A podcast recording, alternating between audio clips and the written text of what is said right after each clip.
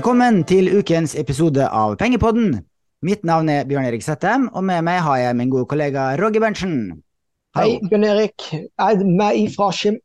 Ja, det er bra. Og eh, temaet er hvordan bli en bedre investor ved hjelp av ChatGPT.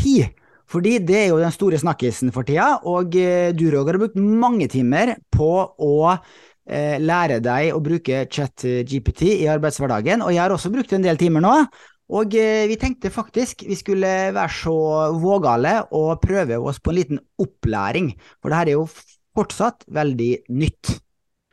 Og som de fleste hører, så er vi digital i dag. Det vil si at vi sitter på hvert vårt hjemmekontor. Og det skyldes rett og slett at eh, det har vært en stor brann i nabobygget vårt i Akersgata, eller Grensen, der hvor vi holder til. Og hele eh, vårt kontorlokale og oppgangen er sperra av. Derfor sitter vi hjemme i dag.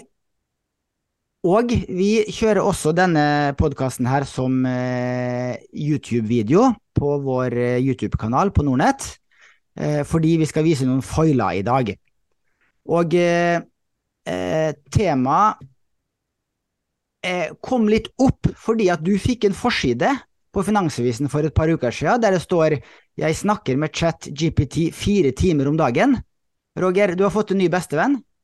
Ja, jeg har det. Dette, Og det var jo litt artig. Jeg, eh, for det første så denne forsida som, som, vi eh, har eh, slått opp her.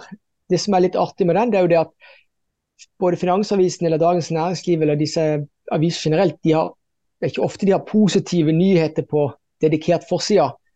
Og, og, spesielt ikke i Finansavisen når uh, det er Steinar Grini som er, som er, journalisten. Han er jo da ansvarlig redaktør i Finansavisen. Men ja, uh, mange har fått med seg at jeg bruker ChatGPT i det meste, i alle, eller de fleste prosesser gjennom en arbeidsdag i dag. Og uh, det ble jo da selvfølgelig tema for, for artikkelen i Finansavisen, og da ble da hovedsidesak. Mm. Og vi hadde et internseminar på jobben her også i forrige uke, hvor du og jeg eh, fortalte litt om hvordan vi bruker eh, ChatGPT, og fikk en del innspill. Det er jo mange som har begynt å ta det i bruk, og, eh, men vi tror absolutt at det er behov for litt eh, veiledning og eh, tips til hvordan du kan stille de riktige spørsmål og stille oppfølgingsspørsmål osv. Så, videre. så det skal vi snakke om i dag. Først skal vi snakke litt om hva er ChatGPT, og at det er veldig enkelt å bruke. Og så skal vi gi en rekke praktiske eksempler for deg som hobbyinvestor, hobbyanalytiker. Og så skal vi også på slutten snakke litt om hvorfor, eller hvor på hvilke områder er ChatGPT lite egnet, og hvor du får dårlige svar. Og så skal vi også diskutere litt om du kan bruke den rett og slett til å gi investeringsråd på hvilke aksjer du bør investere i. Der er vi litt skeptiske begge to, foreløpig i hvert fall. Men Roger, hva er ChatGPT? Ja, for det første så ja, ChatGPT det, For å snakke i bildet, så er det jo Du kan tenke deg at uh, i dag så har de fleste toppsjefer i selskapet de har jo en personlig assistent. Og uh, ja, hvis en er litt misunnelig på det, så trenger ikke å være det nå. For dette ChatGPT, eller uh, som en kunstig intelligensmodell som er utvikla OpenAI, den kan du betrakte som din personlige assistent. Og han, kost, han er jo nesten gratis òg. Eh, det er faktisk en gratisversjon, og så kan du betale litt for å få en, en, en, eh, eh, en modell som alltid er, på, på, nett. Mm. Det jeg vil bare legge til her, dette har tatt markedet med storm i alle fall de fleste med storm, kanskje ikke alle. og Derfor det er litt eh, dagsaktuelt for oss å, å, snakke om det i, eller dedikere en episode i eh, Pengepodden til dette temaet. For mitt ståsted som er en early adapter, jeg er jo en hobbyprogrammerer og analytiker som ønsker å komme gjennom mest mulig innhold på kortest mulig tid. Eh, så det er ikke overraskende at jeg eh, tar i bruk eh, sånne ting med en gang det kommer på markedet. Det rett før jul i fjor. Og det er heller ikke overraskende for meg, Bjørn Erik, at du var en av de som heiv seg på kjapt på kontoret i Nordnett. For du er òg en som liker å prøve å teste ut uh, nye, nye, ting. Så, så det syns jeg er litt, litt, artig. Men i alle fall så er det sånn at uh, uh, ChatGPT, som er en kunstig intelligensmodell som utvikler OpenAI, den er rett og slett trent på tekst fra internett. Den er trent på tekst, uh, så han har egentlig uh, tilgang på alt av oppskrifter, alt av informasjon som, som er tilgjengelig. Er han òg programmert for å kunne svare som om det skulle være et menneske. Eh, rett og slett. Så han er trent på bredt spekter av eh, tekst eh, for internett fra 2021 og bakover. Men det denne gjør i forhold til det vi har sett av lignende modeller før, det er jo det at, at, at han, han, er trent til, til, han er trent til å svare eller gi deg nytt innhold og svare som et menneske. Og Det er jo det som er, som er så fascinerende. så når, når meg og deg, Bjørn Erik, når vi kommuniserer med den, så ja, det vil jeg tippe det er noe som, har, eh, som du òg har blitt litt begeistra for. Det er det at du får naturlige svar. Eh, I alle fall i det du uh, forholder deg til, så lenge du forholder deg til noe du kan om et tema du kan fra før òg. Da vet du om, om, om denne her modellen er på riktig spor Eh, eller ei. Men det skal vi òg komme tilbake til. Eh, hva han ikke burde bruke han til, eller hvor han kanskje er litt dårligere enn det en skulle eh, håpe på. Mm. Og som mangeårig journalist så må jeg si det at jeg er imponert over presisjonsnivået og eh, rettskriving og setningsoppbygging og sånn. Det er sjelden de finner skrivefeil og dårlige setninger. Det er veldig bra kvalitet på det språket han leverer. Og eh, så det er kjempesterkt, uh, og jeg, jeg, ser jo det at den leverer jo altså, eh, Man har jo levert inn eksamensbesvarelser på, på, universitetsnivå, og den har stått og fått gode karakterer når da eh, sensor ikke har visst at besvarelsen kom ifra ChatGPT, så har han fått veldig gode karakterer innenfor mange fagområder. For han er veldig flink å svare, og flink til å sette sammen tekst i riktig kontekst, osv. Jeg kunne ønske at han hadde litt mindre selvtillit, fordi at han Hvis ikke ChatGPT veit svaret, så, så finner han eh, H1-svar, som da kan være direkte feil i noen sammenhenger. Så jeg skulle ønske han kunne svare av og til at dette vet jeg faktisk ikke svaret på, her må du gjøre din egen research. Og, eller i det minste, i hvert fall skrive at her bør du dobbeltsjekke svaret, for her er jeg faktisk litt usikker på om faktaene stemmer. Ja, og det er et, eh, et godt poeng, men det betyr jo òg at eh, altså hvis, hvis, du antar at det er, dette er en svakhet med modellen i dag, så kan du jo komme over den svakheten med å være flink til å eh, snevre inn det du ønsker å snakke om. Og så kan du òg være flink til å finne relevant tekst du vil han skal gå gjennom før han svarer. For du kan òg mate han med tekst. Det er jo det som, er, det er jo det som jeg syns er det mest interessante. Eh, det ene det er ikke nødvendigvis det at han er mata med alt, all tekst fra 2021 og bakover, men altså, du kan fòre den med, med, med ny, ny, tekst. Eh, og strukturere og samle inn tekst på forhånd, og, og, og mate inn og spørre rundt det. Ja, eh, det er riktig. Og jeg, jeg, skulle også ønske at han hadde en kildehenvisning Eh, når jeg spør ham om hvilke kilder er det du bruker nå, så får jeg, spørs, så får jeg som svar om at jeg bruker mange kilder, eh, pålitelige kilder osv., men jeg skulle gjerne hatt en kilde til eh, Verdensbanken, til FN, til Norges Bank osv., og, og hvor jeg kunne ha klikka meg inn og lest eh, primærkilden. Eh, jeg antar at det vil komme i senere generasjoner, for jeg har sett det flere som etterlyser det på nettet. Ja da, og for de som eh, virkelig er eksperter på dette, altså jeg prøver jo bare å få med meg eh, hva, eh, hva eh, utvalgte personer som, som, er høyt i denne tech-verdenen, hvordan de ordlegger seg når de snakker om ChatGPT. Så kommer det versjon på versjon på versjon framover. Dette blir forbedra i, ja, i et forrykende tempo. Sånn at det vi snakker om i dag, behøver ikke å være noe vi trenger å snakke om til neste år. Eh, og Det er fordi at dette går så fort framover.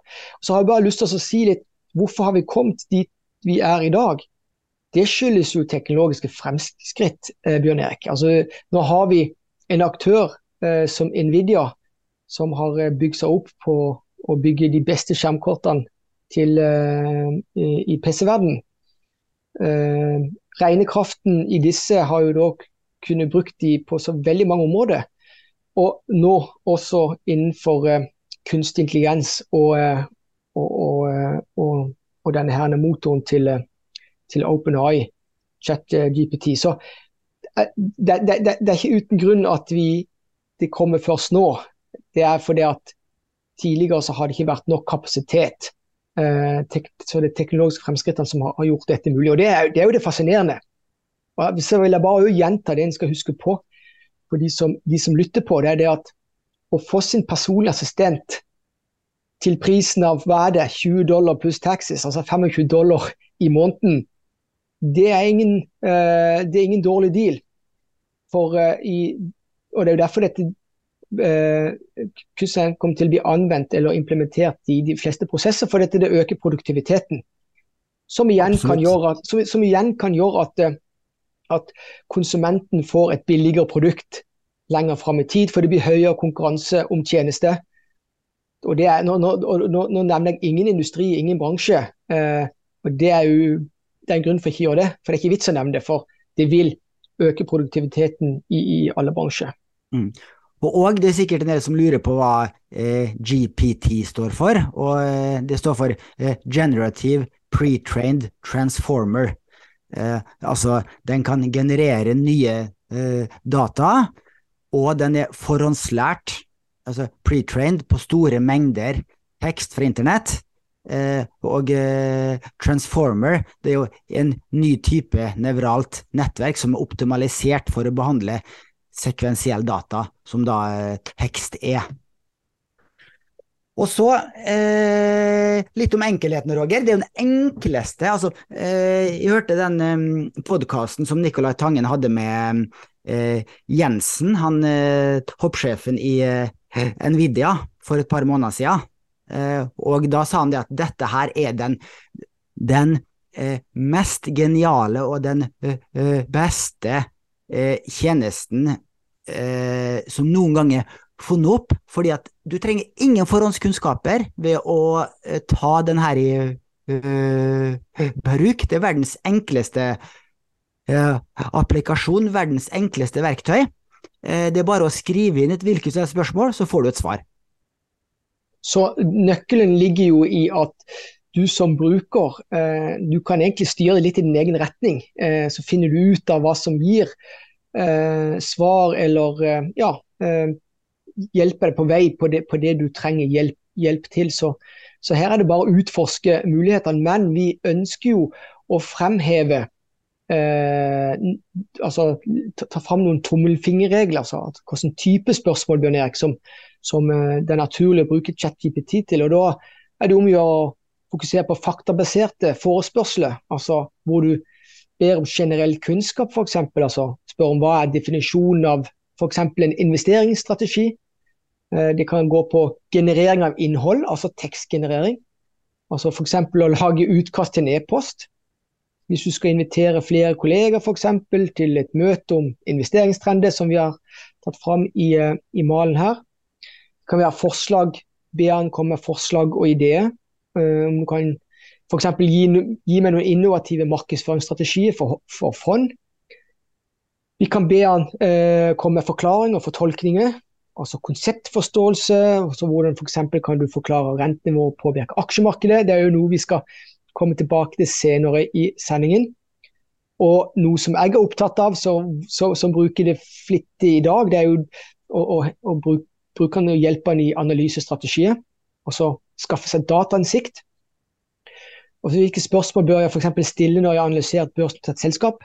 Der må jeg bare legge til at fra mitt ståsted, som er veldig glad i å stille spørsmål, glad i å intervjue av, uh, av uh, toppledelsen i, uh, i, ulike selskaper, og det er jo fordi jeg har lest en bok om og om igjen, som begynner å bli en gammel bok, da, men jeg skrev av en heter Philip Fisher den handler jo nettopp om eh, nøkkelen som, som, investor som handler om å være god til å stille spørsmål. Så jeg, jeg tør ikke tenke på hvor, hvordan han Philip Fisher hadde han levd i dag.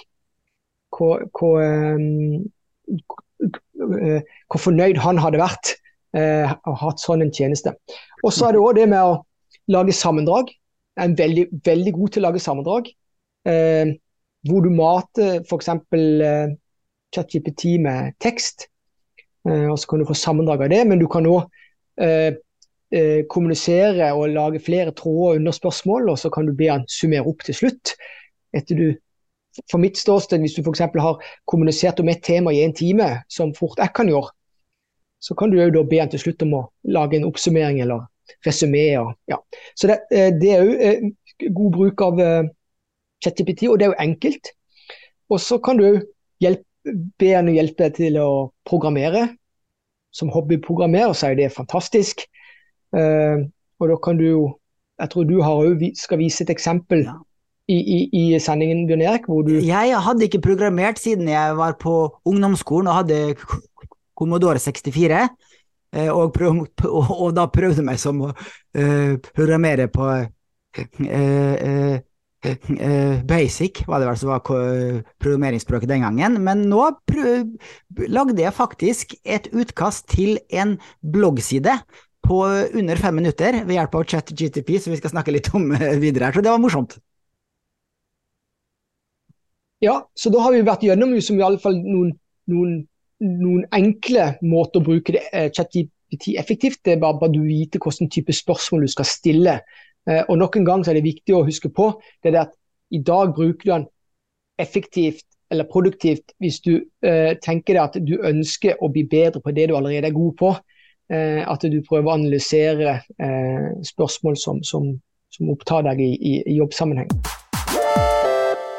Og Da skal vi dra gjennom en del eksempel på hvordan du kan bruke en som hobbyinvestor og hobbyanalytiker. Og Det første eksempelet er hvis du vil ha mer kunnskap om en industri. Nå eh, gjør vi en lite eh, case-gjennomgang på shippingsektoren. Og da kan et naturlig spørsmål være til ChatGPT hvordan vil du beskrive shippingsektoren for en investor? Og da eh, har jeg lagt til for en investor på slutten, for du kan godt prøve uten også. Da får du en litt mer generell beskrivelse. Når jeg la til å være mer spesifikk, hvem er målgruppa, da får du en litt mer eh, finansforklaring på det. Og da har han eh, lista opp eh, seks egenskaper med shippingsektoren. Eh, først en generell forklaring. Shippingsektoren refererer til industrien som involverer transport av varer og passasjerer ved sjø. Denne sektoren er kritisk for verdensøkonomien, siden omtrent 90% av verdenshandelen transporteres sjøveien. Og så lister han opp eh, seks faktorer. her. Jeg skal bare eh, lese det første stikkordet. Nummer én syklisk natur. Nummer to volatile rater. Nummer tre operasjonelle kostnader. Nummer fire reguleringer. Fem teknologisk utvikling. Seks miljøhensyn. Og så kommer det da en forklaring bak hvert eh, stikkord. Eh, og jeg syns det var gode svaret, for eksempel på den første, syklisk natur så står det at shippingindustrien er kjent for sine sykliske svingninger, med perioder med høy etterspørsel etter shippingtjenester, etterfulgt av perioder med overkapasitet og redusert etterspørsel. Dette kan påvirke lønnsomheten for shippingfirmaene. Hva synes du, Roger, om den forklaringa? Det er ikke sikkert at du får identisk forklaring hvis du stiller samme spørsmålet, for den kan variere litt i svarene sine her. Og Det er fordi at han genererer nytt innhold. Eh, det er ikke copy-paste, eh, som tidligere kunstig intelligens eller AI-modeller har gjort. Jeg, jeg, vet hva? jeg er imponert over jobben du har gjort for å lage dette her case-studiet på shippingindustrien. For dette er momentet som er veldig uh, viktige. Til syvende og sist så handler fra mitt ståsted som analytiker, som, eh, som, har fulgt flere av disse selskapene i, gjennom mange mange år, så er det viktig eh, å raskest mulig komme fram til verdidrivende momenter. Eh, og Det er jo det du da får her, eh, gitt at du legger til det med f.eks. investor i spørsmålsstillinga. Der har du snevra inn, og da hjelper du eh, assistenten din om å, å, å, treffe mer i, i, i den gata som du, som du, ønsker. Så uh, alle disse punktene her er veldig relevante og gode. Uh, også er det òg Shippingindustrien er jo Oslo Børs er jo en historisk vært en stor shippingbørs, og er det fremdeles. Og uh, mange av våre kunder er veldig interessert i shippingselskapet. Trader mye i shippingselskapet, investerer i shippingselskapet, får mye utbytte fra shippingselskapet. Så, så, her er det mye matnyttig for de eh, å, å, stille mest mulig spørsmål om de industriene som, som de er in investor i. For det er ikke, det er ikke, det er ikke til å uh, komme unna at shippingindustrien er veldig syklisk og volatil. Og der uh, kan aksjekursene bevege seg betydelig bare fra uke til uke. Noe som ikke er uh, naturlig mer, i mer defensive Eh, defensive selskaper, som f.eks. innenfor helsesektoren eller eh, medisinsektoren. Ja. Mm. ja. det er veldig viktig poeng, og der eh, treffer virkelig eh, GTP spikeren på hodet i dette eksempelet, i hvert fall, når han da eh, har syklisk natur som første punkt og volatile rater som andre punkt. Eh, og så er det jo eh, nesten standard at han avslutter ethvert svar med et lite forbehold, og her står det at som alle investeringer er det viktig å gjøre en grundig due diligence og positivt søke råd fra en finansiell rådgiver før du investerer i skippersektoren. Og det, det kan, jeg, kan, jeg, bare skyte inn der, Bjørn Erik, det med at han summerer opp til slutt. Og, eh, og, og du, du, sa jo det at han var kanskje litt Jeg husker ikke eksakt ord du brukte. Litt for høy selvtillit? Ja, litt høy selvtillit, men han har egentlig ikke det når han svarer. Eh, for han summerer opp og, eh, og, og ber deg eh, gjøre litt mer research og være litt påpasselig på at det kan være andre faktorer som betyr noe. Og Det er jo et sånn generelt tips når en bruker ChatGPT. Det er det at du må òg tenke på hvordan kan du bli bedre til å ordlegge deg på. For her er det veldig sånn systematisk måte å angripe et spørsmål på. Og så er det jo en systematisk eh, eh, måte å, å, svare på, eller avslutte på. Og det, det, kan vi alle lære litt mer av i, i, hverdagen. At du kan være påståelig i en diskusjon, men så må du alltid du må, du må være som reven. Du må ha to utveier på slutten, og det er det de færreste av oss som har. Et eksempel til var at jeg stilte et nytt spørsmål. Eh, hvilke ulike segmenter innenfor shippingselskaper finnes?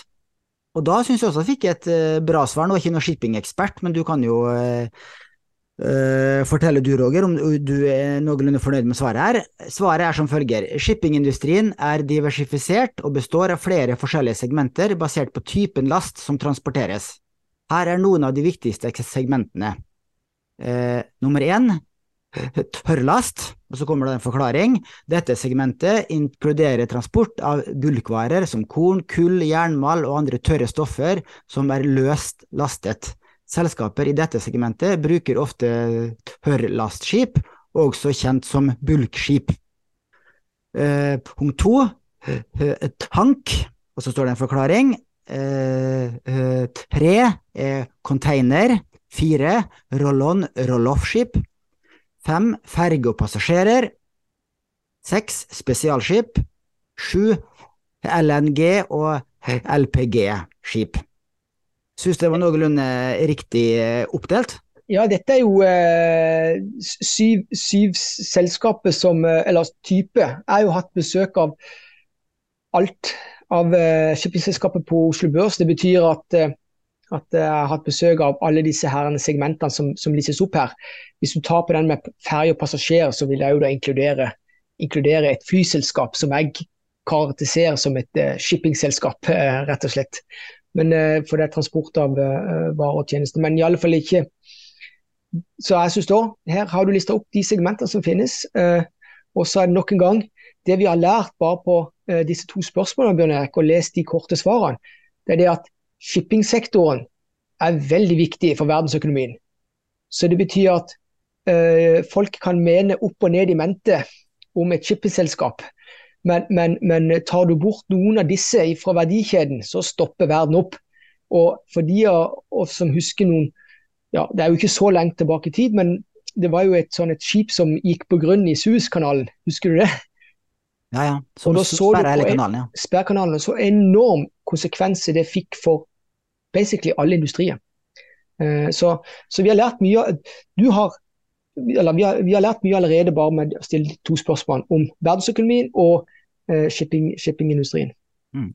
Eh, og så kan jeg legge til det at eh, du kunne kanskje ha funnet frem til mye av det her ved et eh, Google-søk også, men den oppsummeringsevnen som chat GTPR med å gi Eh, gode oppsummerende svar eh, finner du neppe ved et Google-søk. Og Det jeg også syns eh, den er veldig god til, er å sammenligne. For eksempel hvis du skriver hvordan vil du sammenligne shippingsektoren versus legemiddelsektoren mm. for en investor. Eh, da får du som regel veldig gode svar.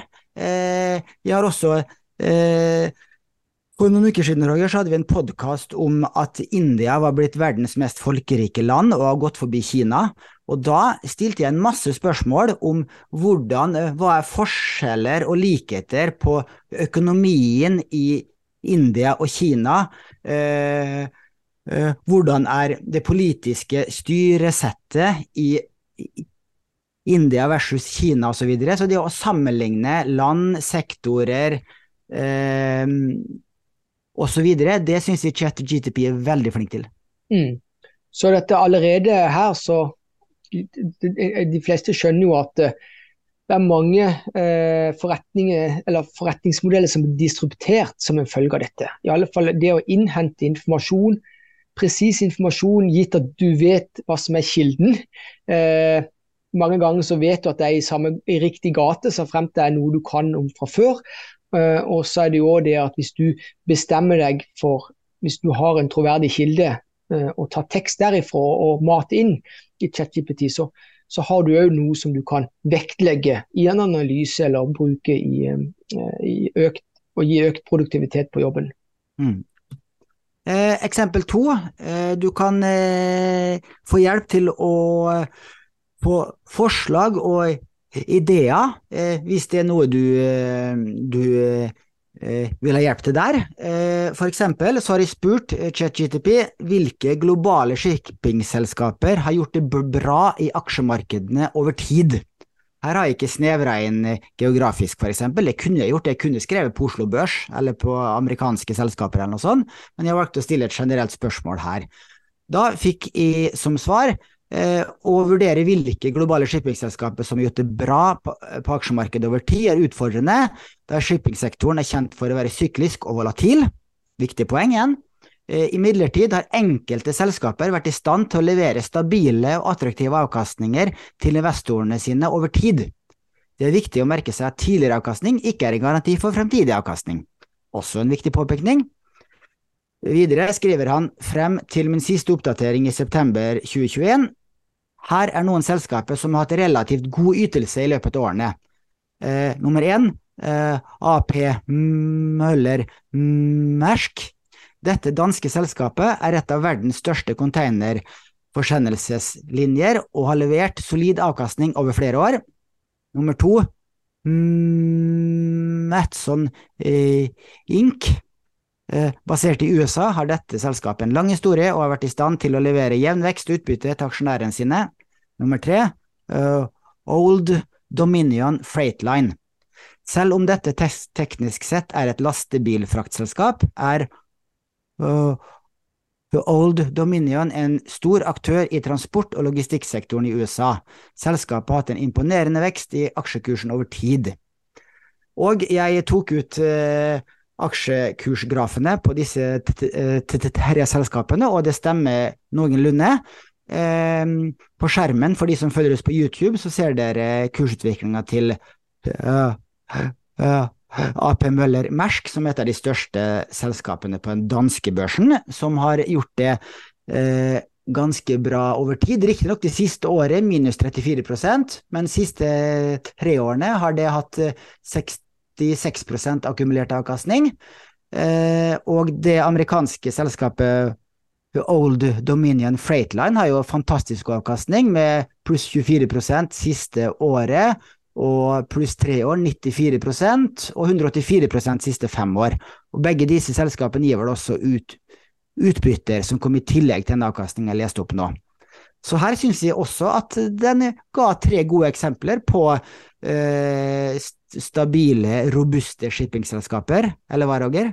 Ja, først og så er det viktig å presisere det. AP Møller Mesk er jo Danmarks storhet i, sammen med Novo Nordisk, eh, legemiddelselskapet. Det vi husker på det at eh, AP Møller Mesk de dominerer jo eh, transport eh, i, trans i transport på, uh, til havs.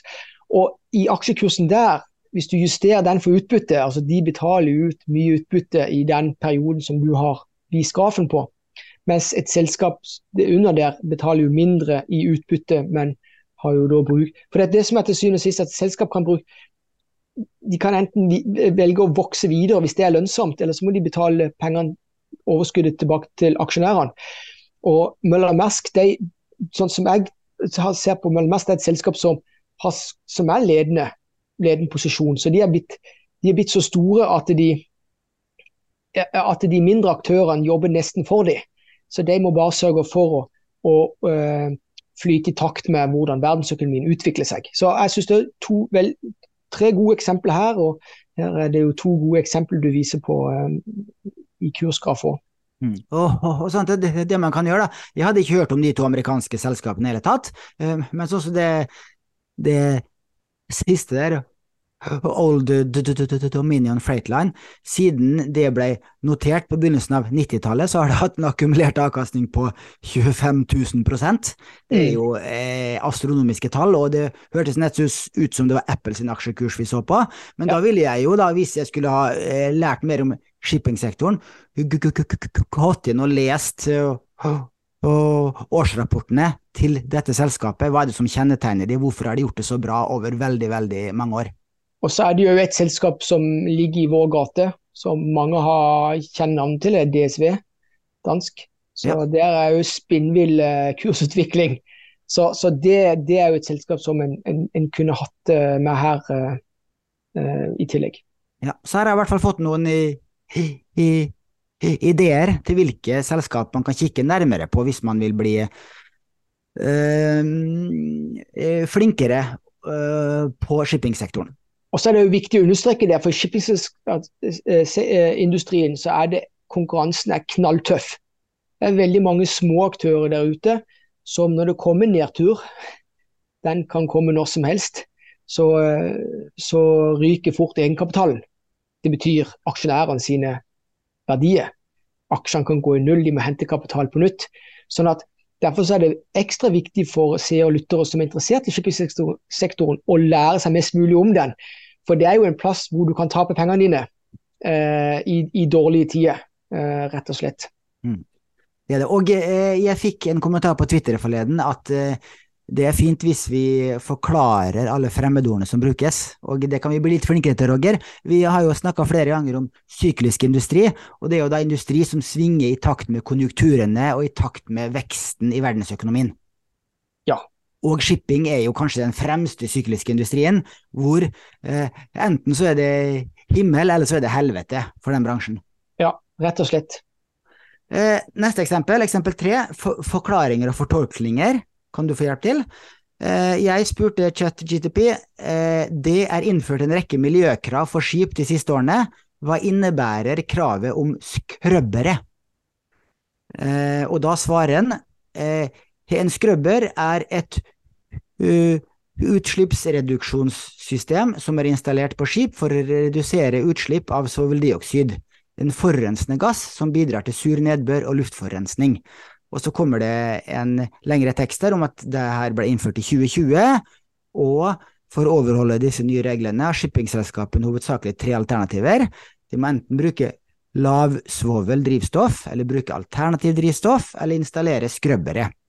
Eh, og eh, hvis du da vil vite mer om de tre alternativene, så kan du bare spørre han om det, om han kan utdype det svaret. Eh, så her også syns jeg det var gode svar, og jeg husker jo at eh, Arne Fredli han satsa jo på uh, Hunter Group, som han, som han da Der var poenget at han skulle kjøpe nye skip med dette nye skrøbbersystemet på. Stemmer ikke det, Roger?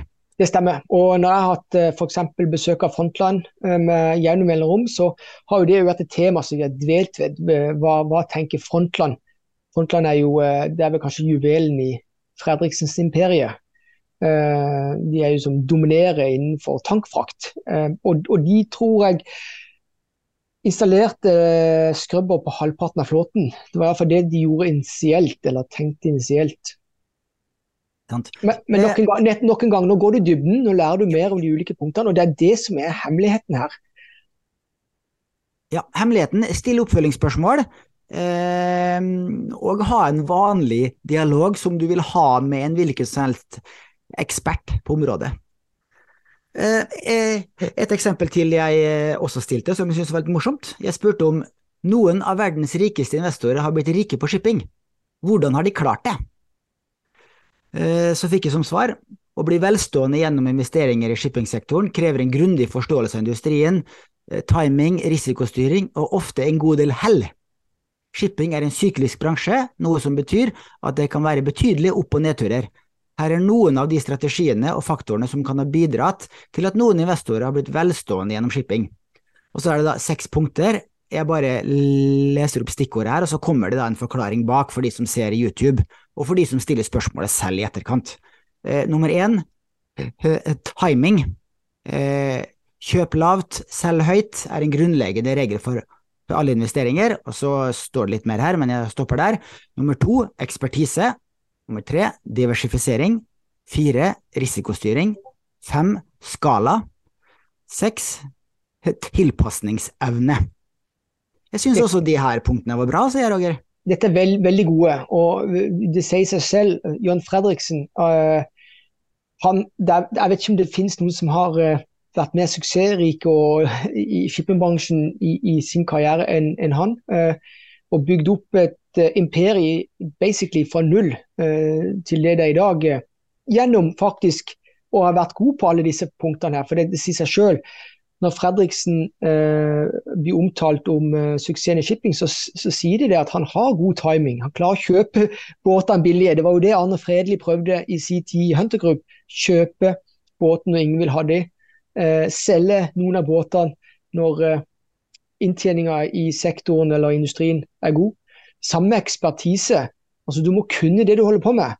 Du vet at det er, jo, det er, jo, et begrep som jeg liker å bruke når jeg holder foredrag. Altså, Hva handler egentlig risiko om, Bjørn Erik? Jo, det handler om du vet hva du holder på med eller ikke. Uh, vi, vi, vi, vi dø, vanlige dødelige, uh, sånn som meg og deg, uh, vi, kan gjerne betale penger for å se en sirkusartist, ikke vel? Eller en lindanser. Men for, for, for, vedkommende som kan dette ut og inn, det er som at vi går på et fotgjengerfelt. Så ekspertise nummer én, diversifisering, Fredriksen er i alle segmenter. Eh, om det skal være tølbøk, LNG, eh, tank. Eh, og så kommer til skala, størrelse. Name of the game eh, i dette. Konkurransen er knalltøff. Alle kan basically kjøpe en båt, men du får ned kostnadene, eller får mer fordel på hvis du har stor skala. Så skala er viktig. Eh, også tilpasningsevne. Du må være pragmatisk. Kan bare ta eh, et eksempel at eh, når plutselig noen eh, land blir ekskludert eller innfører sanksjoner, så må jo disse shippingselskapene finne nye ruter. Og Er det ikke fascinerende at de fleste varer de kommer fort fram likevel, selv om det er mye sånn uh, som skjer på det geopolitiske. Så, så jeg vil tippe at uh, dette, er, dette er seks punkter som listes opp her, som John Fredriksen spesielt kan kan påstå at han, er, han oppfyller. Mm, sant. Eh, og så har vi et eh, eksempel. Kan, kan, kan, kan, jeg bare skyte inn, du, bare sant? for du som investor, det er jo det som er nøkkelen her. Du Bjørn Erik, du skal prøve å bli en bedre investor med bruk av ChatJPT, og så har du tatt shippingindustrien som, som eh, et case. Og Det første punktet er timing. Altså kjøp lavt, selg høyt.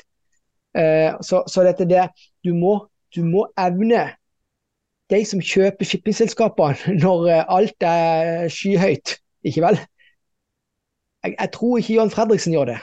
Nei, det er jo få som er eh, langsiktige investorer i shipping gjennom en hel sykkel. Altså, Ja. Fredriksen eh, driver mye med asset play, kjøper og Ja. selger skip, og, og sitter ikke med samme flåten gjennom en hel sykkel.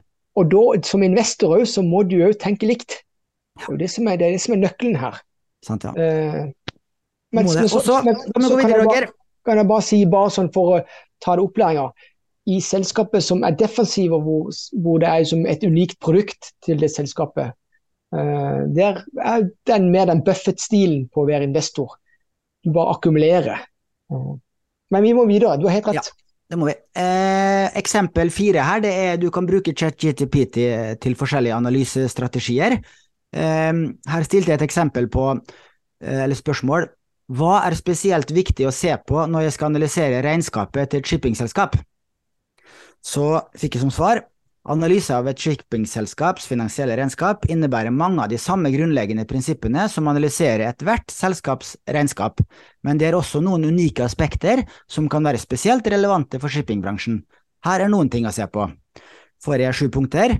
Eh, inntekter og inntjening. Eh, så kommer det en forklaring, da. Eh, analyser selskapets omsetning og nettoresultat for å se hvordan de har utviklet seg over tid. I shippingbransjen kan inntektene være volatile av svingninger i fraktrater og etterspørsel. Nummer to, driftskostnader. Og så får jeg en forklaring her, du må se på drivstoffkostnader, mannskapskostnader osv. Punkt tre, gjeld. Det er et veldig godt poeng. Mange shippingselskaper har betydelig gjeld av de høye kostnadene forbundet med å kjøpe og vedlikeholde skip. Se på gjeldsgraden og evnen til å betjene denne gjelden. Nummer fire, kontantstrøm. En forklaring der òg. Nummer fem, eh, eiendeler. Nummer seks, alder og tilstand på flåten. Nummer sju, påvirkning av markedssykluser. Roger, ganske på spikeren her òg. Ja visst, eh, helt åpenbart. Og i alle fall eh, det der punktet på, på alder og tilstand på flåten. For det, det er jo mange måter å ja, skal vi kalle det å jukse litt når du presenterer tall. Det, det, det er jo samme som eh, du, Bjørn Erik, som leier ut en leilighet. Altså, du, du kan godt ha god overskudd på den fordi at du gir blaffen i å pusse den opp. Mm. Så du må legge penger til side for å holde flåten intakt, eller leiligheten intakt og up, up to date. For når det blir dårlige tider, når det blir dårlige tider, så er det greit å ha eh, det beste objektet å, eh, å, å leie ut, rett og slett. Og Det samme gjelder jo et skip, for det er jo noen som hyrer denne båten og leier denne båten for de skal frakte bare til AtB. Og hvis den er pill råtten gammel, eksempelvis i dag med alle disse miljøkravene, så kan det bli et problem. Så du skal alltid tenke, shippingbransjen bør du alltid tenke på når det er dårlige tider. Hvem er last man standing? Og da er det disse punktene her. Det er, dette er verdidrivende punkter. Det kan jeg si sånn fra, analyt, fra en analytikers ståsted. Mm. Um, neste eksempel er å finne gode spørsmål. Uh, og der har jeg begynt å bruke uh, ChatGPT mye når jeg har uh, gjester i studio. Uh, for eksempel her så stilte jeg et spørsmål. Jeg skal intervjue CEO i Frontline, altså konsernsjefen i Frontline. Her er hans siste kvartalskommentar. Hvilke spørsmål skal jeg stille han? Vennligst svar på norsk. Og så har jeg limt inn eh, eh, teksten, altså den pressemeldinga som Frontland sendte ut ved siste kvartalspresentasjon, som da var da 31. mars.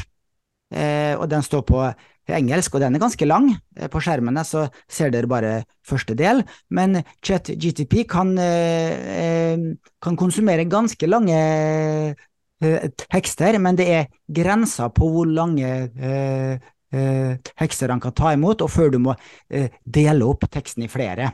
Det skal vi komme tilbake til.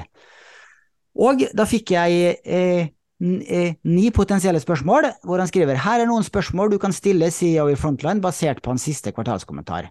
Nummer én, hvordan har Frontline oppnådd det, største, det høyeste første kvartalsresultatet siden 2008?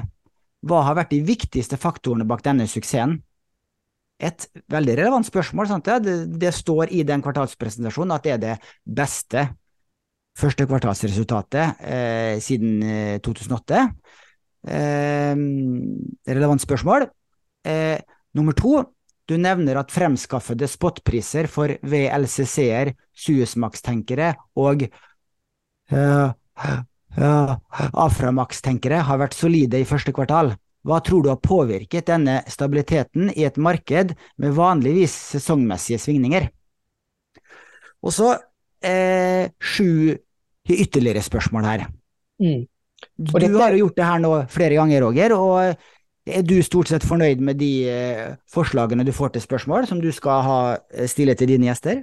Ja, nå kan jeg jo bare ta fra mitt ståsted hvordan produktivitetsøkningen har vært med ChatGPT, og forberedelse disse selskapsbesøkene eller intervjuene, Q&A-sesjonene med, med, toppledere. Og Det jeg normalt brukte ca. en halv arbeidsdag på, altså å forberede meg til sånn et intervju, det gjør jeg unna nå på ett kvarter. Sant? Så, ja, Men du må kjenne selskapet godt fra før av, fordi at ja. eh, hvis ikke så må du bruke en halve dagen fortsatt på å sette deg inn i selskapet. Ja, det, det er helt riktig. sånn at jeg, jeg prøver å systematisere, og så prøver jeg å, å, å flette inn eh, hvor, jeg, hvor, jeg, tillegger informasjon uh, i forhold til hvor, hvilken retning jeg ønsker hvilken type måte, hvordan skal størst spørsmålet stilles på. Skal det f.eks. være litt sånn en Warren Buffett-approach på spørsmålsstillinga? Skal det være som Elon Musk skulle stille spørsmål?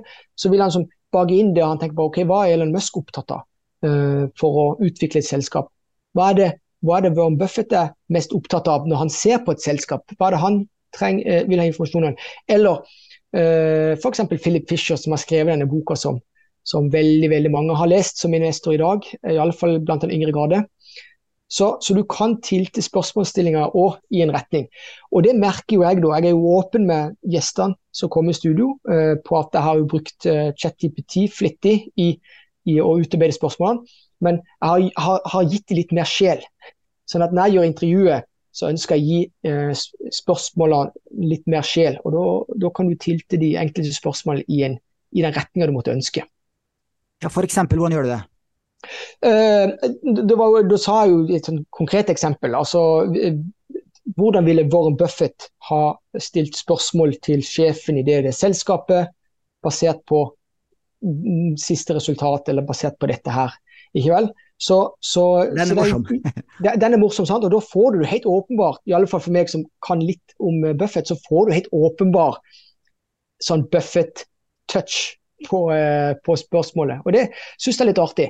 Så hvis f.eks. Eh, eh, meg og deg var noen kjente skikkelser eh, i den store verden, så kunne vi òg da eh, ha som, brukt det som eh, ja, F.eks.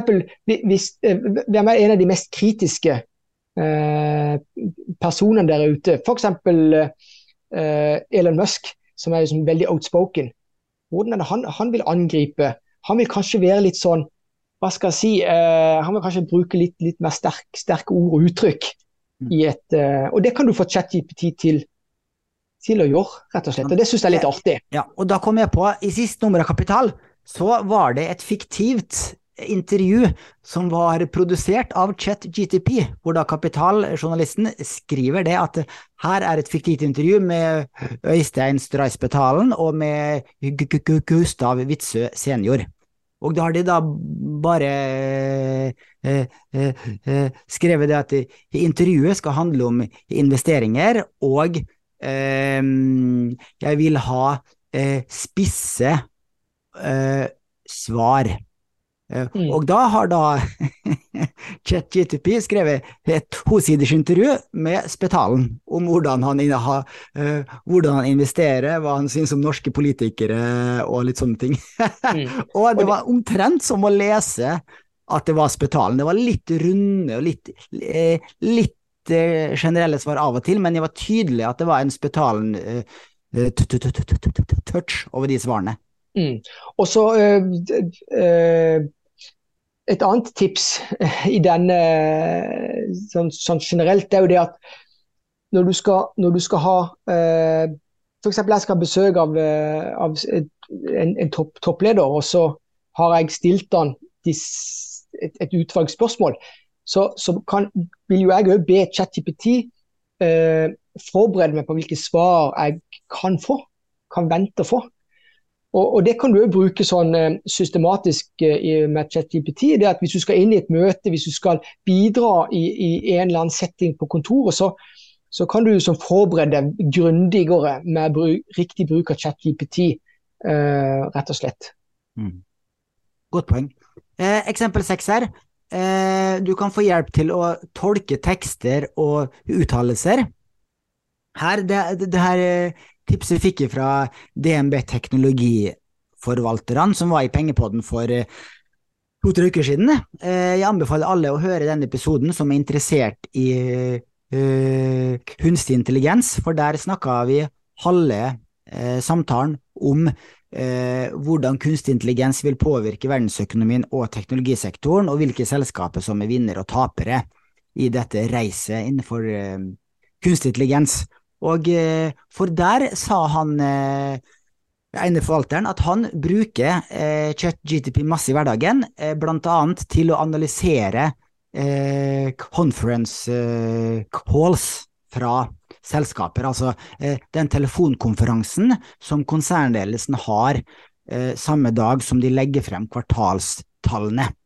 Og eh, man finner eh, transcript, altså utskrift fra conference call til de fleste eh, store selskaper, i hvert fall i USA. Også en del norske finner du eh, eh, transcript, altså uh, ord for ord, hva spørsmål stiller, stiller, spørsmål om, og hva ledelsen svarer. Og da har jeg limt inn eh, Uh, halvparten av uh, den teksten til Frontline til sin, sin siste conference call, og så har jeg spurt ChatGTP hvor mener du ledelsen svarer unnvikende og vagt? Vennligst svar på norsk har jeg eh, spesifisert om, fordi at eh, den teksten er på engelsk. Og siden eh, den teksten var litt for lang til at ChatGTP aksepterte hele, så delte jeg den opp i to, og så spurte jeg da det samme spørsmålet to ganger. Og da fikk jeg ganske gode svar også, for da svarer han her at ledelsen i Frontline ser ut til å være relativt direkte i sine svar, men, par, men det er et par steder hvor de gir mer generelle svar. Og så står det fire eksempler her.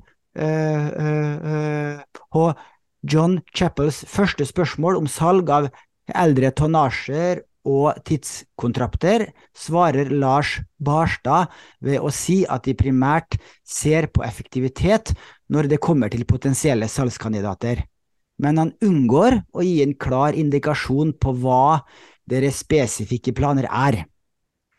Og så står det da eh, eh, tre andre eksempler også. Og eh, det fjerde eksempelet så står det at eh, på Robertsons spørsmål om OPEC-møtet og potensielle kutt, gir Barstad igjen et generelt svar, og sier at han ikke kan gi en kvalifisert gjetning på hva som kan skje. Og så står det en avsluttende kommentar. I slike samtaler, særlig volatile industrier som shipping, kan ledelsen noen ganger være nødt til å være vage eller unngå å gi spesifikke svar på grunn av usikkerhet i markedet og for å unngå å gi feilaktige forventninger. Men igjen, disse fire punktene her kan du gå inn og lese i, i, i teksten eh, eksakt hva de svarer, og du kan også få chat GTP til å sammenligne svarene her og svarene eh, på hva de svarte i forrige kvartal eller foregående kvartal igjen, hvor er det eh, avvik i svarene. Og På den måten her kan du gå ganske analytisk til verks på en måte som vil være veldig tidkrevende skal du gjøre det manuelt. Ja, jeg vil jo si, uh, Bjørn Erik, altså, du har jo nærmest blitt ekspert bare på hva er det, to-tre uker. For dette er, god, dette er en veldig bra måte å stille spørsmål på. Altså, hva er det folk ikke sier? Så, så, eh, og Ofte er det der det ligger verdi, men så kommer jo i dette tilfellet så kommer det jo en, en sånn et avsluttende uh, tips. Det er jo det at i, i, mange tilfeller så kan ikke selskapets ledelse gi noen klare, eh, klare svar på, på, flere spørsmål. Lars eh, Barstad, sjefen i Frontland, traff jeg for øvrig under Nordshipping. Eh, så han kom forhåpentligvis i studio hos oss i, etter, etter, sommeren. Da får du kjøre gjennom den her nå, da, vet du. Så får du, så får du stille noen av de spørsmålene her hvor han var litt vag på, på uh, analytikerpresentasjon. Uh, det skal jeg gjøre. uh, og så har du et eksempel med den amerikanske sentralbanken og, og, og, og, hvordan du kan bruke ChatGTP til å øh, holke deres pressemeldinger? Ja da, og jeg, jeg, jeg, børster jo litt støv, eller ikke bare børster støv. altså Jeg er jo utdanna makroøkonom fra Handelshøyskolen BI, hvor jeg òg eh, eh, lærte litt om finans. Eh, men i alle fall, og da har jeg tatt et eksempel, 'don't fight the Fed', for det er et begrep i, i denne her som investorer bør kjenne til. Eh, det er det at den amerikanske sentralbanken, når de endrer renter, så har det enorm innvirkning på priser over hele kloden. Eh, både selvfølgelig valutakurset, men ikke minst aksjekurset. Og Da er det litt av samme metodikk her som jeg, vil, som jeg har vist dette eksempelet, som du viste i det foregående eksempelet. Hvor jeg da skal ta utgangspunkt i de to siste pressemeldingene fra den amerikanske sentralbanken. Og så har jeg bedt eh, ChatGPT lese gjennom disse to. Eh, og for deretter å sammenligne de. Og her er det et veldig enkelt steg. Altså Systemet er jo det at eh, jeg går på Fed sin hjemmeside. Der ligger dataen tilgjengelig, troverdig data. Eh, der putter jeg inn pressemeldingen. Og, og jeg spør bare ChatGPT kan du lese gjennom følgende pressemelding fra Fed. Eh, og det gjør han. og så i neste spørsmål så spør om jeg kan lese gjennom følgende pressemelding fra Fed, og da er det den siste pressemeldinga. Det er henholdsvis eh, april, eh, pressemelding fra aprilmøtet og pressemeldingen fra maimøtet. Og og så fortsetter jeg eh, videre om å sammenligne disse to pressemeldingene. Og det, det er enkle spørsmål. Jeg spør bare kan du sammenligne to pressemeldingene for meg. Og så, så gjør han det, og så til slutt så spør jeg et veldig enkelt spørsmål. Hvilken innvirkning kan dette få for aksjemarkedet på kort og lang sikt. Så dette her har ikke tatt meg lang tid for å uh, få et, et, relativt analytisk, konkret, robust altså sånn, uh, svar. Uh, for, for, til syvende og sist ønsker du ikke å gå mot Fed. Det Fed gjør, det er nesten så, og, og, det jeg får til svar, da Konklusjonen er jo det at Fed har jo da i siste pressemelding økt rentebanen, rett og slett. Det er det eneste forskjellen. Men, og Da sier han at økning i Federal Funds Rate, altså det er jo styringsrenta på godt norsk, indikerer at, at sentralbanken eh, fortsatt vil stramme inn på pengepolitikken. Og Dette kan ha flere potensielle effekter på aksjemarkedet, både på kort og lang sikt. Sant? Jeg, spør ChatGPT jeg vil ha innvirkning på kort sikt uh, og på lang sikt. For som investor så er jeg en som tenker langsiktig. Og da vil jeg òg ha, eh, ha, svar på lang sikt. Og På kort sikt så sier ChatGPT at eh, markedene kan reagere negativt på kort sikt eh, til, nyhet, til, til, nyheten om høyere rente. For Det skyldes jo at høyere rente kan redusere selskapsinntektene ved å øke lånekostnaden, noe som kan føre til lavere aksjepriser. Og så kan det òg påvirke eh, investors risikoappetitt kan medføre risikoavasjon. Når renten øker, kan tryggere investeringer, som obligasjoner, bli mer attraktive i forhold til aksjer. Noe som kan føre til salg av aksjer. Så det, da har du fått en liksom, teoretisk rammeverk for hvordan du skal, hvordan du skal liksom, agere etter at eh, sentralbanken har, har eh, gjort en endring i sin rentepolitikk. Da. Men så sier han også de langsiktige effektene. På lang sikt, hvis renteøkningene er vellykkede, altså for for det Fed skal gjøre, de skal prøve å kontrollere inflasjonen uten å kvele veksten. Så hvis hvis de klarer det, så kan dette være positivt for aksjemarkedet. En stabil inflasjon og fortsatt økonomisk vekst kan skape et sunt miljø for bedrifter å vokse for, å, for at aksjepriser, for aksjepriser å stige. Og Det er jo dette som er nøkkelen, det er jo det som er målet til Fed òg. Stabilisere inflasjonen og sørge for at det Eh, eh, maksimal utnyttelse av kapasiteten i økonomien. og Derav så er det jo å ha lav arbeidsledighet eh, uten at det skal være inflasjonsdrivende. Men så kan det òg få eh, langsiktige effekter på inntjeninga. Altså økte renter det påvirker selvfølgelig alle selskaper, de fleste selskapers bunnlinje, for dette øker kostnadene for lån. Eh, dette kan, eh, det, som igjen kan påvirke aksjeprisene negativt over tid hvis det fører til lavere enn forventa inntekter som en følge av det. Så det vil være spesifikt for selskap til selskap. Og så kan det òg være det med at vurdering av aksjer kan bli annerledes. Høyere rente kan også føre til at investorer krever høyere avkastning fra aksjer, som kan føre til at aksjene blir revurdert og potensielt priset lavere. Og så kommer jo den der uh, oppsummeringa til ChatGPT på mitt spørsmål. Og så er det viktig å merke seg at disse er potensielle effekter. Og de kan bli påvirka av en rekke andre faktorer, inkludert den generelle økonomiske situasjonen, investorpsykologi, det kan være geopolitikk som kommer inn i det hele bildet f.eks. Og så kan det være selvfølgelig spesifikke selskapsspesifikke, altså selskapsspesifikke forhold som kan uh, påvirke det hele. Sånn? Så det betyr at enhver investor eh, må jo da se uh, effektene i forhold til sin investeringsportefølje og strategi. Men i alle fall på veldig enkel måte så kan du få et veldig robust, klokt svar av ChatGPT og uh, istedenfor at mange andre i, i tilfelle så vil folk bruke De vil spørre om råd. De vil spørre en ekspert på makroøkonomi, på finans og på det ene og det andre. Lytte til flere kilder for å prøve hvordan skal jeg forholde meg til dette. Og Her mener jeg at på en enkel måte på, Dette er en jobb som egentlig kan gjøres på ett kvarter for å få sånne svar. Det gjør jo at du som investor kan bli tryggere på de investeringsbeslutningene du foretar deg. Mm.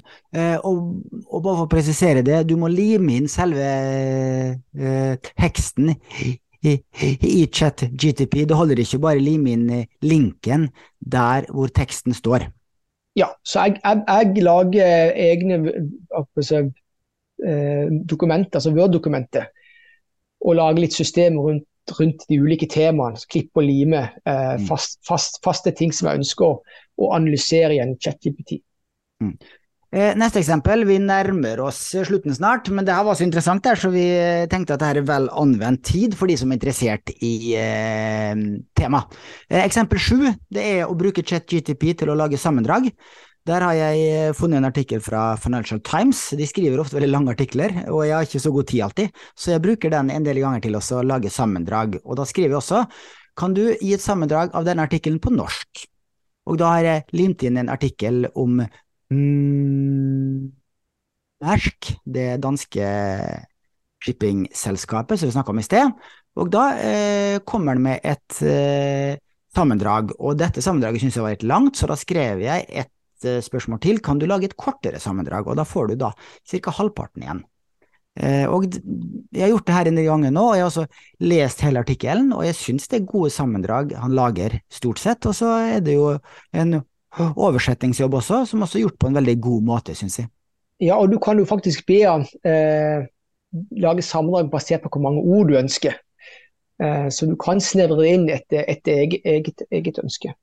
Sant? Og eh, jeg prøvde å finne eh, et sted der det sto hvor lang eh, tekst du kan lime inn, men jeg fant forskjellige svar. Sånn at det her er sikkert noe som utvides stadig vekk. Jeg leste også et par steder at den betalingsversjonen, 4.0, kan du lime inn en lengre hekst enn i gratisversjonen. Uh, yes, eksempel åtte, det er å bruke ChatGTP til å programmere enkle, eller for så vidt også mer eh, komplekse uh, jobber. Uh, jeg spurte ChatGTP kan du lage en enkel nettside som skal være en blogg om investeringer. Og så svarer han ja, selvfølgelig, her er en enkel HTML-struktur for en bloggside om investeringer. Eh, husk at dette er en grunnleggende skisse, og den faktiske implementeringen kan kreve mer avansert bruk av HTML, Java osv. Eh, og så fikk jeg da en eh, kode, og så spurte jeg eh, hvor skal jeg lime inn denne koden? Og så fikk jeg spørs, eh, og så fikk jeg et svar om at jeg kan lime den inn, inn i notisblokk og lagre som et HTML-dokument, og så gjorde jeg det. Og så sto det at jeg skulle uh, uh, åpne denne filen, og da ble den åpna som en ny nettside, og da så det ut som en enkel blogg, som jeg snart skal vise. Og så vil jeg også legge til et uh, hoppbilde uh, på toppen av siden. Da spurte jeg kan du legge til et passende uh, hoppbilde, og da lagde en, en, ny kode som inkluderte et hoppbilde, og så forklarte den at jeg må selv lagre et uh, hoppbilde med det navnet som er spesifisert i koden, og det må lagres i samme mappa som dokumentet er lagra. Da gjorde jeg det, og vips, tre minutter senere, Roger, velkommen til min investeringsblogg! Blogginnlegg nummer én, blogginnlegg nummer to, publiseringsdato, eh, og med et pent bilde av oss tre. Altså du, jeg og Mats, Roger. Ja, det er herlig. Det kan, det kan ikke bli bedre enn det. Nei, det kan ikke det. Så det, det, dette var morsomt, og da tar det ikke så mange minutter å lage en blogg nå, noe som eh, kunne ta flere timer eh, for et halvt år siden, før da ChatGTP var, eh, var allemannseie. Ja, og antageligvis at du måtte betale mange for å få dette opp og stå. Sant. Det, så dette syns jeg var morsomt og utrolig effektivt. Hvor er ChatGTP dårlig, og hvilke begrensninger finnes? Og da har jeg skrevet, skrevet her ta alle svar med en klype salt. Eh, fordi ChatGPT genererer helt ny tekst og det skaper en risiko for at eh, eh, chatboten hallusinerer og finner opp ting. Og, og, du bør bruke ChatGTP på områder du kan noe om, der du da kan eh, avsløre faktafeil og svakheter.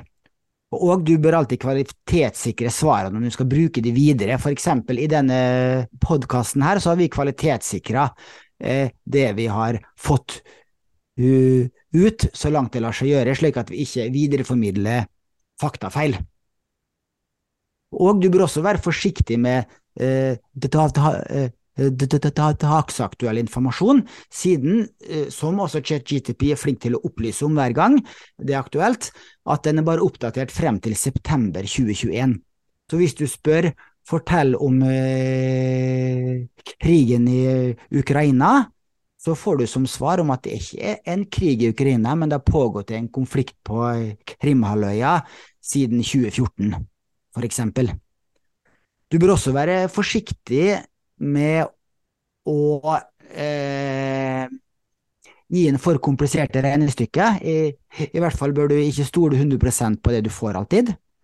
Jeg har også eh, testa den ut på norske skatteregler, om skjermingsfradrag, om eh, skatt på aksjer, skatt på renter osv. Det er jo regler som endrer seg over tid, og det er jo forskjellig informasjon som ligger ute, siden det har endra seg, der. Så det er en heller ikke spesielt god på. Hvor Nei, mener det... du ChatGTP chat-GTP er dårlig, Roger? Nei da, dette er tekstgenerator, altså det er matematikk. Uh, jeg bruker jo mye matematikk uh, i min hverdag, så det er helt riktig. Altså, Kompliserte stykker er ikke bra. Og det liker jo jeg bare for å prøve å gi chat-GPT og litt sånne menneskelige touch, så, så bruker jeg å arrestere han. Jeg er streng med chat-GPT når han tar feil på matematikk. Og da beklager, da beklager, beklager eh, modellen eh, eh, veldig mye. Men eh, og, og så, altså, eh, Du kan gi en kompliserte regnestykker så lenge det er enkelt forklart, men hvis det er sånn øh, konseptualisering med at person A kjører en bil 50 km i timen, person B er fem kilometer unna, kjører, i, uh, kjører mot personer i 20 km i timen. Hvor lang tid tar det før de møtes, f.eks.? Det er en ikke så god til å gi svar på. men kompliserte regnestykker der det er lett å forstå hva du mener, der er en veldig god. Og det finnes også egne eh, applikasjoner som du kan laste ned på den betalingsversjonen, som da er da eh, spesielle matematikkapplikasjoner som da eh, gjør at den gir bedre svar på matteregnestykker, f.eks. Men, eh, men eh, i sum, bare den versjonen, nå er det jo 4.0 som er ute av GPT, det, det, det, er, jeg vil si det er enormt ifra, ifra der vi kom ifra. Og så Det jeg gleder meg til, er at uh, det skal komme nye oppdateringer, nye versjoner som, som hvor dette kommer bare til å akselerere. Dette her kommer til å bli utrolig bra. Mm. Eh, og så eh, la jeg også ut en melding på eh, eh Twitter i går, der jeg spurte mine følgere om det var noen som bruker GTP eh, eh, til investeringer og til, til opplæring innenfor feltet, og da fikk jeg noen kommentarer, og det var en som heter uh, Hennis, som tipsa oss om en amerikaner som har en portefølje som heter The GPT uh, Portfolio, som ble starta for en måneds tid siden, og der bruker en chat GPT til å plukke ut fremtidige vinneraksjer. Det er en portefølje bestående av ca. 20 amerikanske selskaper, og så vidt jeg kunne se, så hadde den gjort det omtrent likt med SMP 500-indeksen så langt, og den var veldig aktiv, så den uh, bytta ut aksjer veldig ofte, og da påløper det jo en del transaksjonskostnader, så den hadde jeg ikke særlig troa på. Og eh, faktisk, det er over fem års historikk på en eh, ETF som bruker kunstig intelligens til å øh, sette sammen en portefølje. Det er en øh, ETF som heter AI Powered Equity ETF, som er forkorta med hikkerkoden AIEQ. Og Den ble da lansert i 2017, eh, og det var da eh, den første ETF-en, altså børsnoterte fondet, som kun brukte AI-teknologi, og da spesifikt fra IBMs eh, Watson AI-robot, som vel den gangen, da, for fem-seks år siden, var den største og mest avanserte AI-roboten til å plukke ut aksjer. Og den ble presentert med brask og bram, og på, på forvalters nettside så står det at uh, AI-EQ er som et uh, team på 1000 analytikere, trader og kvanter som jobber døgnet rundt. Høres jo fantastisk ut. Ja, det, det hørtes ut som det var 999 for mange. Sånt, ja. Og så står det videre her at uh, AIEQ er designet for å overvåke ukonvensjonelle datakilder som blogger og sosiale medier, ikke bare regnskapstall. Det var også unikt med den her, at den skulle se hva folk diskuterte i sosiale medier om ulike selskaper. Så, men, men her, hvordan har resultatene vært, Roger? Ja, en burde, gjort, en burde gjort motsatt, eller kanskje ikke det hadde hjulpet? Nei, sant, ja. Den har nok muligens uh, vært med på for mange uh, hyper som er diskutert på uh, Reddit osv., fordi at uh, avkastninga siden oppstart, da, for litt over fem år siden, er veldig, veldig dårlig. Den ETF-en har tapt betydelig, både mot Nasdaq-indeksen og mot SMP 500-indeksen siden oppstart, og Morningstar gir den kun én av fem stjerner, altså han er rangert helt i det nedre sjikt av ETF-er innenfor da, det amerikanske aksjemarkedet. Så, eh, så langt så har jeg egentlig liten tro på at det er en vinnerstrategi å bruke chat GTP til å finne vinneraksjer, men til å eh, lære deg opp til å bli en bedre investor, sånn som vi har forsøkt å eh, fortelle lytterne og seerne nå, det tror jeg er veldig godt til, men å finne spesifikke vinneraksjer, neppe. Ja, og da er det passende å, eh, å nevne Charlie Munger, eh, hva han sa under årets eh, generalforsamling i Berkshire. Det var jo i mai måned, det er jo ikke så lenge siden. Når vi er inne på dette temaet, så han tenkte det at eh, menneskelig intelligens det fungerte fremdeles nokså bra, sa han. Sant. Du gjør det. Og den siste fordelen vår, det er, eh, som jeg har vært inne på, du kan betale 25 dollar i måneden for å få plussversjon, det er versjon 4.0. Det står 20 dollar, men det kommer moms i tillegg, så det er 25 dollar. Eh, og da spørsmålet eh, er det verdt det, eller er det ikke verdt det? Eh, de svarene jeg har vist her, de er med den plussversjonen. Eh, da jeg hadde gratisversjon var jeg fornøyd med de svarene jeg fikk da også. Men det jeg ser nå, eh, med de, de, av kollegene mine i Nordnett som bruker gratisversjonen, så er det en del ganger den ikke svarer. Altså, det står at det er for stor uh, pågang, og da er det plussbrukerne, altså betalingsbrukerne, som blir prioritert. slik at det ikke alltid du får svar. Og den, det tar ofte lengre tid å generere svaret med den gratisversjonen. Så den jobber raskere, og jeg har også lest flere steder at du får mer presise svar, og at det er min, mye mindre sannsynlighet for at du får feil svar med denne betalingsversjonen. En annen fordel med betalingsversjon er at du kan bruke plugins til da å få bedre svar på matematiske regnestykker, til å lage grafiske diagrammer. Jeg har forsøkt å bruke de her nå i dag, da fikk jeg bare beskjed om at det er for stor øh, øh, så denne diagramfunksjonen virker ikke i øyeblikket.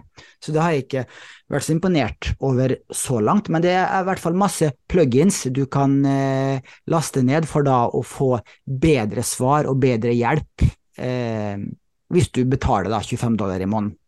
Ja, og hvis jeg skal summere opp, så er det ja, det er som å betale 25 dollar i måneden for ikke bare, det er enda drøyere. Det er ikke bare en ny PC, men det er en ny PC og mye, mye mer. Uh, rett og slett. For, for, for dette, dette, her er jo et, et, et skifte, teknologisk uh, det her banebrytende. Jeg vil si det, uh, det er nesten som å ikke ha tilgang på en PC og ha en PC, rett og slett. Men begynn å bruke gratisversjonen. Det er masse læring der også. Og så, hvis du har behov for raskere svar og alltid få svar, og så, videre, så betaler du selvfølgelig 25 dollar i måneden, og du kan avslutte når som helst. Det er vel anvendte penger. Det er jo verdens billigste personlige assistent, i hvert fall. Det er det. Da tror jeg vi runder av, Roger, med det. Det finnes også en del eh Eh, bildeverktøy innenfor eh, kunstig intelligens. Vi kan jo vise et eh, bilde som vi fikk oversendt fra DTMB teknologiforvalterne. De spurte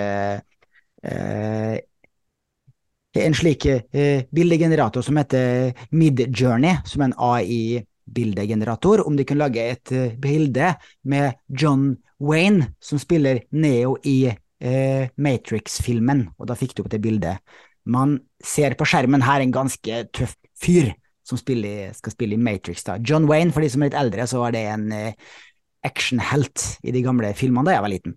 Eller unnskyld, da min pappa var liten. var det. Eh, og eh, de mente også at du kan skrive inn om få år eh, lage en film basert på Matrix-skriptet, der hvor John Wayne spiller i filmen. Og det er kult når man kan da eh, be eh, en slik eh, kunstig intelligensrobot til å lage filmer på bestilling, og da kan du kanskje, Roger, lage en film med Warren Buffett hvor Roger spiller Warren Buffett. Oi, oi, oi. Det er jo det som er mitt, det er jo, mitt, det er jo det jeg dedikerer livet mitt til, å bli som Buffett. Så. Ja. Det er morsomt. Og en siste ting, nå fikk jeg en melding fra Siri her. Siri er ikke så god på kunstig intelligens. For nå fikk jeg spørsmål om hvem jeg ville sende melding til. Eh, så her må Apple skjerpe seg, Roger. Eh, Apple har blitt verdens mest verdifulle, eller har, har lenge vært verdens mest verdifulle selskap, og denne uka her har det nådd ny all time high, men Siri er crap. Er du enig, ja, Roger? Det, jeg er enig i at uh, toget er nok ikke godt for Apple, men de har kommentert, uh, kommentert enda mye mer ressurser. Mer ressurser enn de fleste andre i en annen spor. Uh, og for de som har fått med seg, så har de, skal de lansere sine, sine, briller, altså Vision Pro, Apple Vision Pro-briller til, til, neste år. Som skal få oss inn i denne meta-universet som som eh, Facebook eller Alphabet ønsker at vi skal bli en del av lenger fram i tid.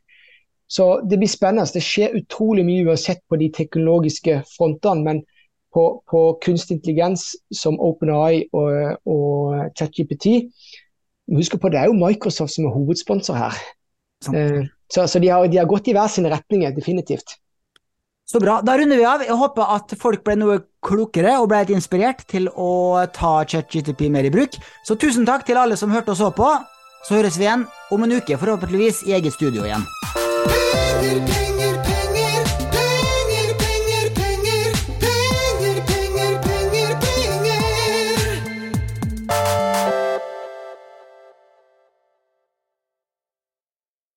Denne podkasten skal anses som markedsføringsmateriell, og innholdet må ikke oppfattes som en investeringsanbefaling. Podkasten er kun ment til inspirasjon og informasjonsformål. Nornett tar ikke ansvar for eventuelle tap som måtte oppstå ved bruk av informasjonen i denne podkasten. Les mer på disclaimer-siden på nordnett.no.